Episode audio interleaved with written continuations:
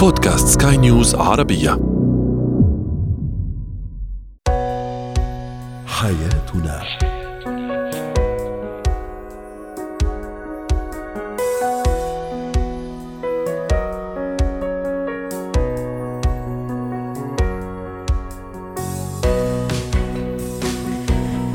مستمعينا الكرام أهلا بكم معنا إلى حياتنا. فضاؤكم اليومي الذي يعنى بشؤون الأسرة وباقي الشؤون الحياتيه الأخرى والذي يمكنكم الاستماع إليه عبر منصة سكاي نيوز عربيه dot com slash بودكاست وباقي منصات سكاي نيوز العربية الأخرى. شاركونا عبر رقم الواتساب 00971 561 8862 ثلاثة. معي أنا أمال شابه اليوم نتحدث عن الشريك الذي يهدد الطرف الآخر دائما بالرحيل وبالانفصال.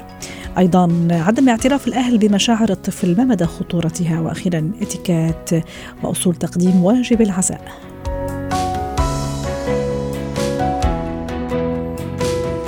هو وهي. قد يعتبرها البعض عبارة عابرة أو غير مقصودة لكنها من دون شك لها أثر خطير وسلبي على العلاقة بين الزوجين. التهديد الدائم بالانفصال وبالرحيل عن الطرف الآخر. لماذا هذا التهديد؟ لماذا إشهار سيف التهديد دائما؟ عند البعض طبعا في وجه الطرف الآخر. للحديث عن هذا الموضوع رحبوا معي بالأستاذة لما الصفدي الاختصاصية النفسية والأسرية ضيفتنا العزيزة. يا أهلا وسهلا بالأستاذة لما. لماذا يهدد البعض دائما الطرف الآخر بالرحيل والانفصال؟ عادة لما نحب نعمل شيء ما نهدد صح؟ ما نعمل صحيح. كل هذا يعني الزومعة في فنجان إذا صح التعبير. نقوم مباشرة بالفعل أو بالخطوة. هذا الأشخاص الجادين سواء في الشيء الإيجابي وأحيانا للأسف في الشيء السلبي. ما الذي يجعل البعض يهدد أو بعض الأزواج والزوجات يهددون الطرف الآخر بالانفصال والرحيل؟ مش قادر يعملها يعني؟ مش قادر يقوم بالخطوة؟ ولا إيش السبب؟ لا هو التهديد عادة ما بيكون هو عاجز عن قيام بالخطوة هو بيكون قلة ثقة بالنفس. لأنه الشخص هو ليس لديه قدرة على حل المشاكل أو احتوائها فيذهب إلى الأشياء اللي ممكن أن تخيف الشريك اللي هي الهجران. أو أحيانا حتى في الطلاق يعني حتى فكرة أنا ممكن أطلقك رح أطلقك وهي اللي بنسميها وحتى في اللغة الشعبية يسمى الرجل المطلق. يعني إن كان عند الرجل كفكرة الطلاق لأنه هو دائما يطرحها أمام زوجته أمام كل موقف. أو هي كمان إذا هذا راح اترك لك الأولاد وأخلي البيت. راح أروح عند بيت أهلي وأخلي لك البيت. صحيح. فهو اذا هو الإنسان الغير قادر على إيجاد حل المشاكل واحتوائها أو النقطه الثانية يشعر بالخطأ. يعني هو شاعر إنه هو مذنب بما ولكن ليس لديه قدرة على الاعتراف بما قام فيه. يعني يصلح الخطأ بخطأ آخر. صحيح فهو يقوم خلينا نسميها هروب. لأنه أحيانا مجرد كلمة أنا أترك لك البيت أو ممكن أنا أطلقك ممكن أنا حتى فكرة أتزوج عليك تهديدات متنوعة ممكن أحرمك الأطفال.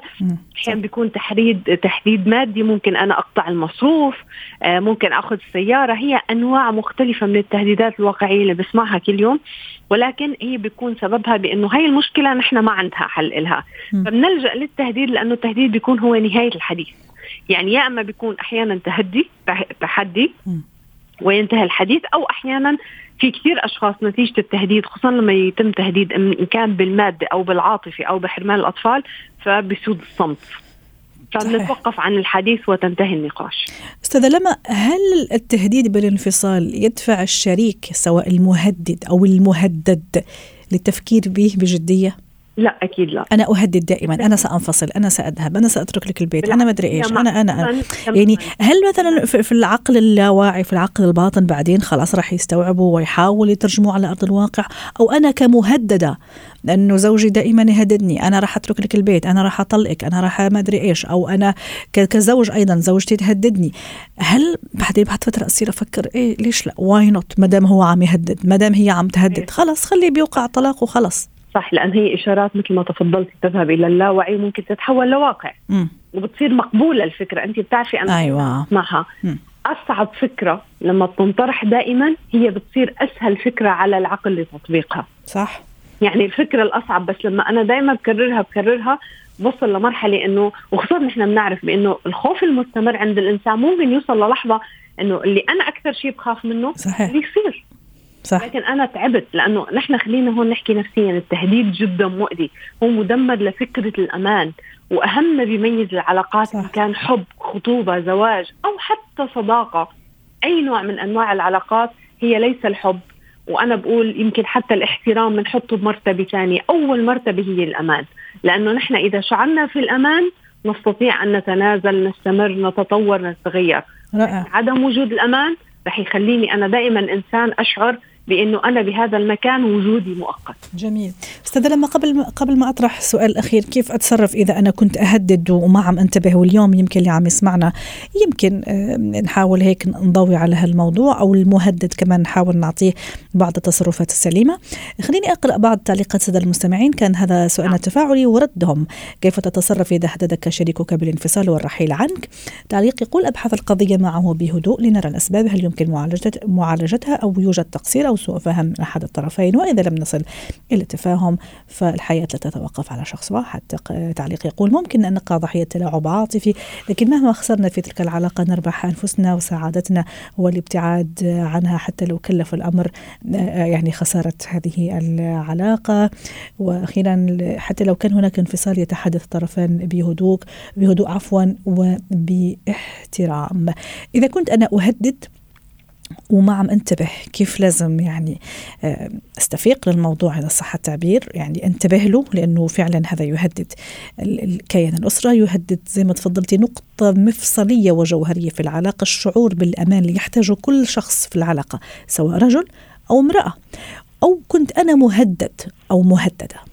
النقطة الأساسية النصيحة الموجهة لكل شخص يقوم بالتهديد بأنه أولا التهديد هو لا يعتبر حل المشاكل بالعكس هو تأزيم للمشاكل. وراح يفقد كمان ال ال ال يعني خلينا نقول معناه.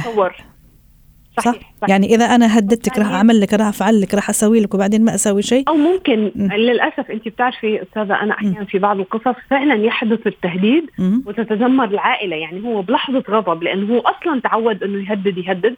ممكن مثلا يقول انت طالق بثلاث فرضا. يعني ممكن نعم. تطلع منه هاي الكلمة وبعديها يكون محسوب عليها كل العمر. صح. وممكن هو يؤدي في الكلام فالآخر هو اللي يأخذ القرار. فأنا اليوم يمكن نصيحة لكل شخص يقوم بالتهديد توقف عن هذا الأسلوب لأنه مدمر لنفسك والآخرين. هو أسلوب مؤذي على كل الاحتمالات ولن يأتي بثماره ابدا. استبدله دائما حتى لو في أسلوب خلينا نسميه يمكن نخلي الطرف الآخر يكون مقتنع معنا أو يسمع كلامنا. فدائما نحن بنقول الكلام الذي يصل إلى القلب والعقل معا. جميل. وليس دائما بأسلوب التخويف. حتى يعني أضعف الكائنات اللي هي ممكن تكون الحيوانات حتى أسلوب التخويف بعد فترة ممكن يضع يحولها لحيوان شرس. جميل. إذا كنت أنا مهددة أستاذة لما أو مهدد؟ شرح وجهة نظري بأنه هذا التهديد هو مؤذي بالنسبة لي، هذا التهديد هو يبعدني عنك أكثر، هذا التهديد ممكن يوصلني لمرحله بإني أنا آخذ القرار وأنا فعلا اللي أترك وليس أنت تترك أو تحرمني، فبالتالي شرح وجهة نظري نحن دائما نقول تعلم كيف تقول لا دائما لأنه أحيانا لا تكون نعم.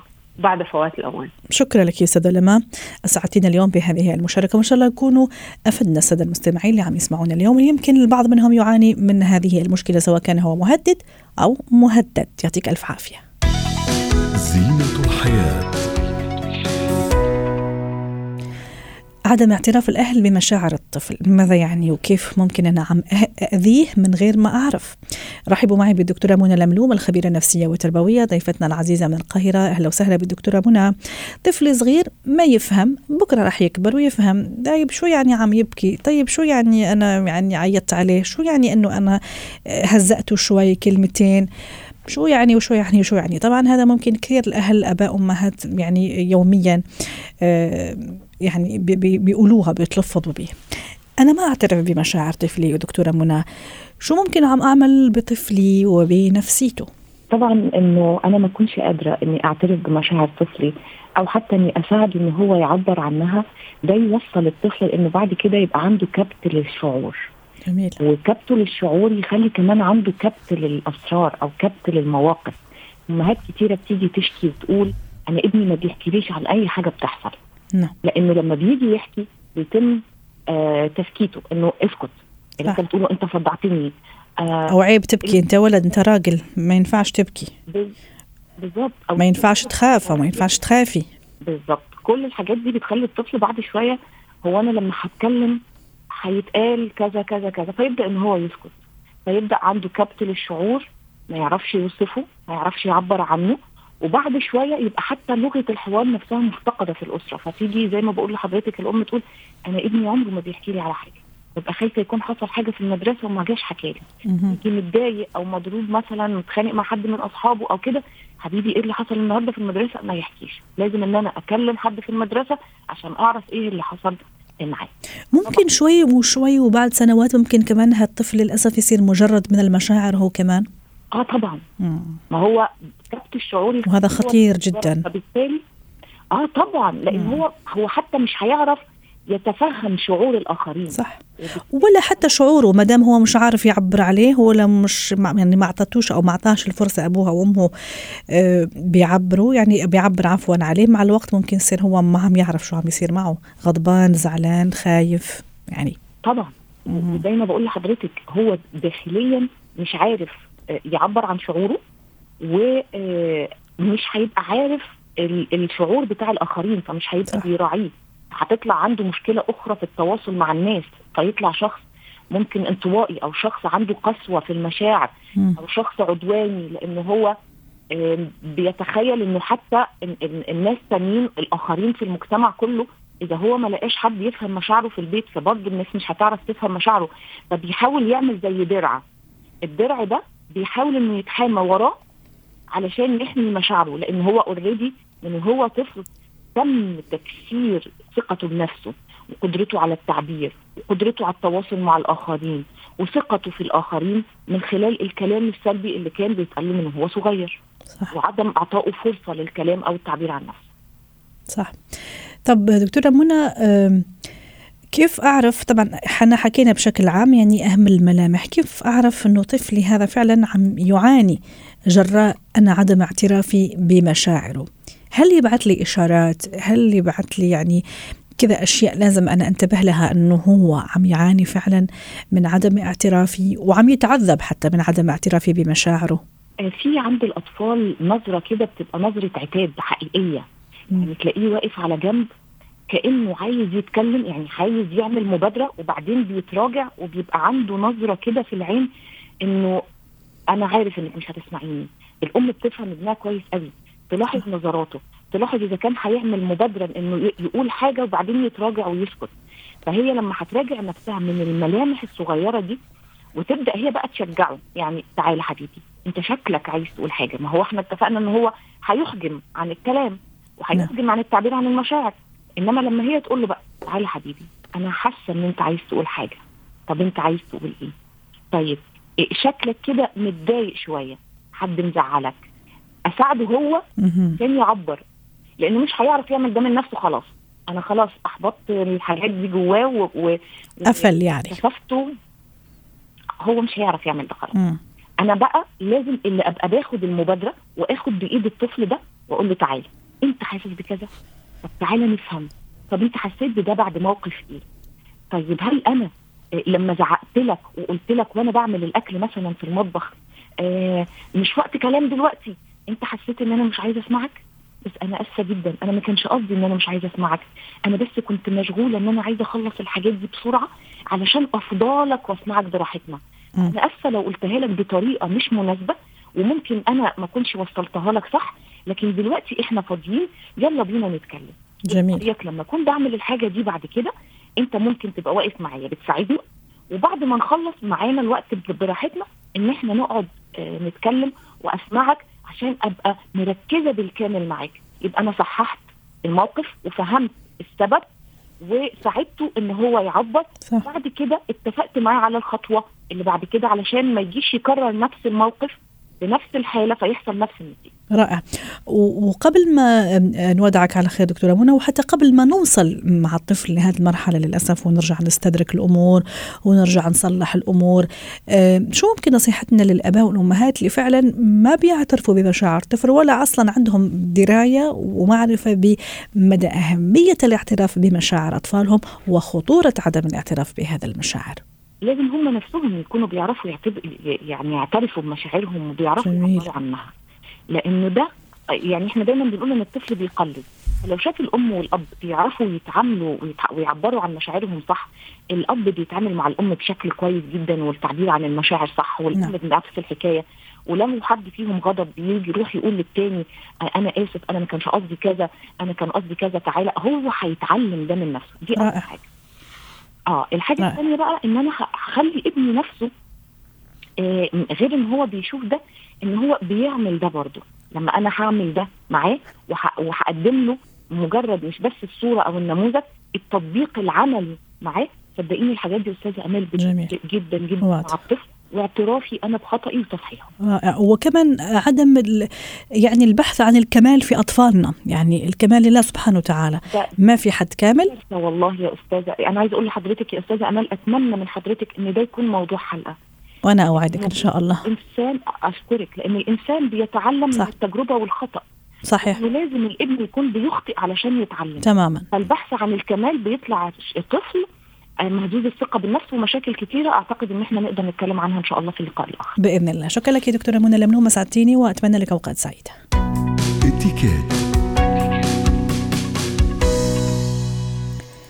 اليوم حديثنا عن اتيكيت تقديم واجب العزاء. رحبوا معي بأدال شويحات خبيرة الإتيكيت ضيفتنا العزيزة من عمان. أهلا وسهلا بأدال. موضوع كثير مهم وإن شاء الله يا رب ما يعني ورينا مكروه في أحبابنا وناسنا والناس اللي نحبها. آه، موضوع آه، تقديم واجب العزاء. يعني يعني يحدث أن نحضر هيك مواقف للأسف. آه، ويحدث أيضا أن نتصرف بشكل خاطئ في هيك مواقف. أدال شو لازم أحط بعين الاعتبار من أول ما أنا أقرر أني أروح أقدم واجب العزاء؟ أهلا وسهلا فيكي أهلا وكل وسهلا. المتابعين. وإن شاء الله زي ما حكيتي عمر ما بنضطر إن آه ال- نحضر عزاء أو نكون بهذا الموقف بس أكيد حياتنا الاجتماعية بتفرض علينا هذا النوع من أنواع ال- العلاقات أو هذا النوع من أنواع الواجبات الاجتماعية. آه والموضوع كثير مهم امال لأنه صراحة أنا تحدثت فيه من فترة عم بحضر عزايات للأسف وعم بشوف في سلوكيات مش مفروض إنه إحنا صح. آه، نعملها أو آه، آه، أو حتى من طريقة لبسنا أو من طريقة تصرفنا في داخل العزاء كثير مهم في نقاط معينة مفروض إنه إحنا ننتبه عن عليها وزي ما تفضلتي حكيتي أول نقطة لما أنا بدي أفكر أروح أقدم واجب العزاء بدي أفكر شو بدي ألبس واللبس هون بيلعب دور كثير كبير واللبس نقطة كثير مهمة في هذا النوع من أنواع العلاقات آه، أو من أنواع الواجبات الاجتماعية. آه، فإحنا مثلا أنا عم بحكي بصعيد ال- ال- المجتمع الأردني اللي عندنا آه، في أكيد طبعا كل بلد أو كل منطقة بس خلينا نحكي بشكل عام أدال يعني أحسن اللي عم يسمعنا حتى حتى نستفيد يعني. أكيد في خصوصيات طبعا ترجع في كل بلد وكل مجتمع. أكيد. إيه بس بشكل عام أدال حتى نستفيد منك اليوم. مزبوط. يعني اللبس طبعا كل حدا كيف بيلبس هو أو كيف متعود يلبس أو اللون اللي بيلبسه م. على آه العزاء. في أشخاص بيلبسوا أسود في أشخاص بيلبسوا أبيض في أشخاص مثلا ممكن يلبسوا آه ألوان بالعزاء. بس مهم إنه إحنا ننتبه إنه آه اللبس يكون محتشم. نعم. يعني من المهم إنه لبسنا يكون محتشم لأنه العزاء هو مش عرض أزياء. صح. أنا مو رايحة أعرض فيه آه،. ملابسي أو رايحة أعرض بطريقه مش حلوة. فكتير مهم اني أنا أنتبه إنه اللبس يكون محتشم آه، فالعزاء له حرمته والاحتشام مطلوب وبشده آه، كمان مرات آه، ممكن أشخاص يحبوا يلبسوا بنطلونات فالبنطلون المفروض إنه ما يكون ضيق المفروض إنه البنطلون يكون واسع مثلا القبة تكون مفتوحة كمان هذا لازم نبعد عنه. يعني نحاول إنه نلبس مثلا البلايز أو القمصان الكم القمصان النص كم نبتعد عن ال sport نبتعد عن الجينز هو تقديم واجب العزاء نعم. هو آه، زي آه، يعني هو مناسبة اجتماعية فلازم نحترم هذه المناسبه أيوه على سيرة الاحترام أم، مثلا في بعض العائلات مثلا تقيم مجلس عزاء عرفتي كيف؟ مثلا في توقيت معين في مكان معين تنشر إعلان في الجريدة في اللي هو يعني الآن مع وسائل التواصل الاجتماعي كمان أه، في أشخاص لا ممكن الناس تروح بشكل بشكل فردي. قصدي مثلا الالتزام بالمواعيد بال- مثلا إذا حددت هذه العائلة توقيت مجلس طبعاً. العزاء. آه ممكن بيحددوا طبعا. صحيح. صح بيحددوا موعد لتقديم واجب العزاء ولازم من الضروري إنه إحنا نلتزم بهذا الموعد. يعني مرات في أشخاص بيقولوا مثلا من الأربعة للتسعه أنا ما في داعي أروح على التسعة لأنه خلص الأشخاص بيكونوا بعد يوم طويل وزي ما بتعرفي تقديم واجب العزاء وأشخاص وأهل الفقيد بيكونوا كثير محزونين وعن جد بيكونوا بدهم يرتاحوا. فمش أنا أوصل بآخر آه، وقت من العزاء نعم. ولا أوصل بكير. صحيح. لازم أحترم زي ما تفضلتي أحترم الموعد كثير مهم. ووجودي داخل العزاء كمان له احترام. أيوه على سيرة الاحترام كمان الوقت عم يدهمنا اديل وكلامك رائع. مثلا في اشخاص مثلا لما أول ما يروحوا يسألوا أهل المتوفي كيف توفى على أي ساعة توفى وشو السبب وشو مدري إيش.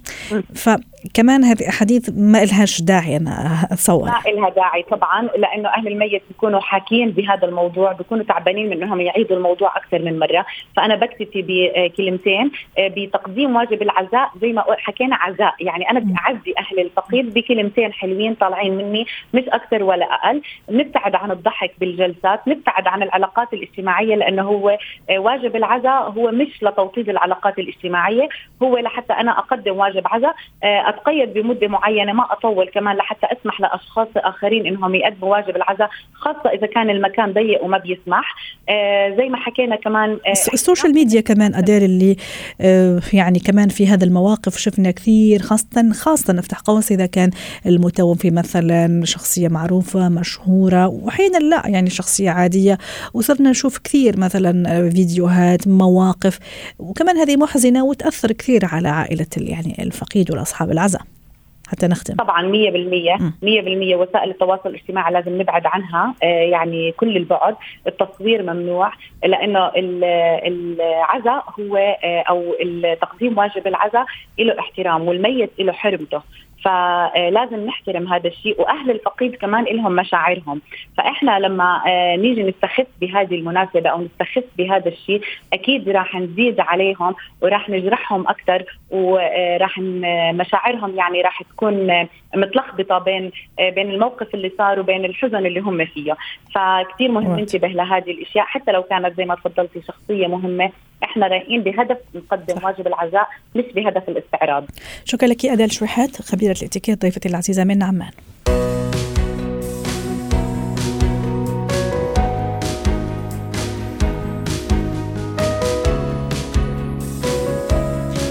ختام حلقة اليوم من حياتنا. شكرا لكم وإلى اللقاء.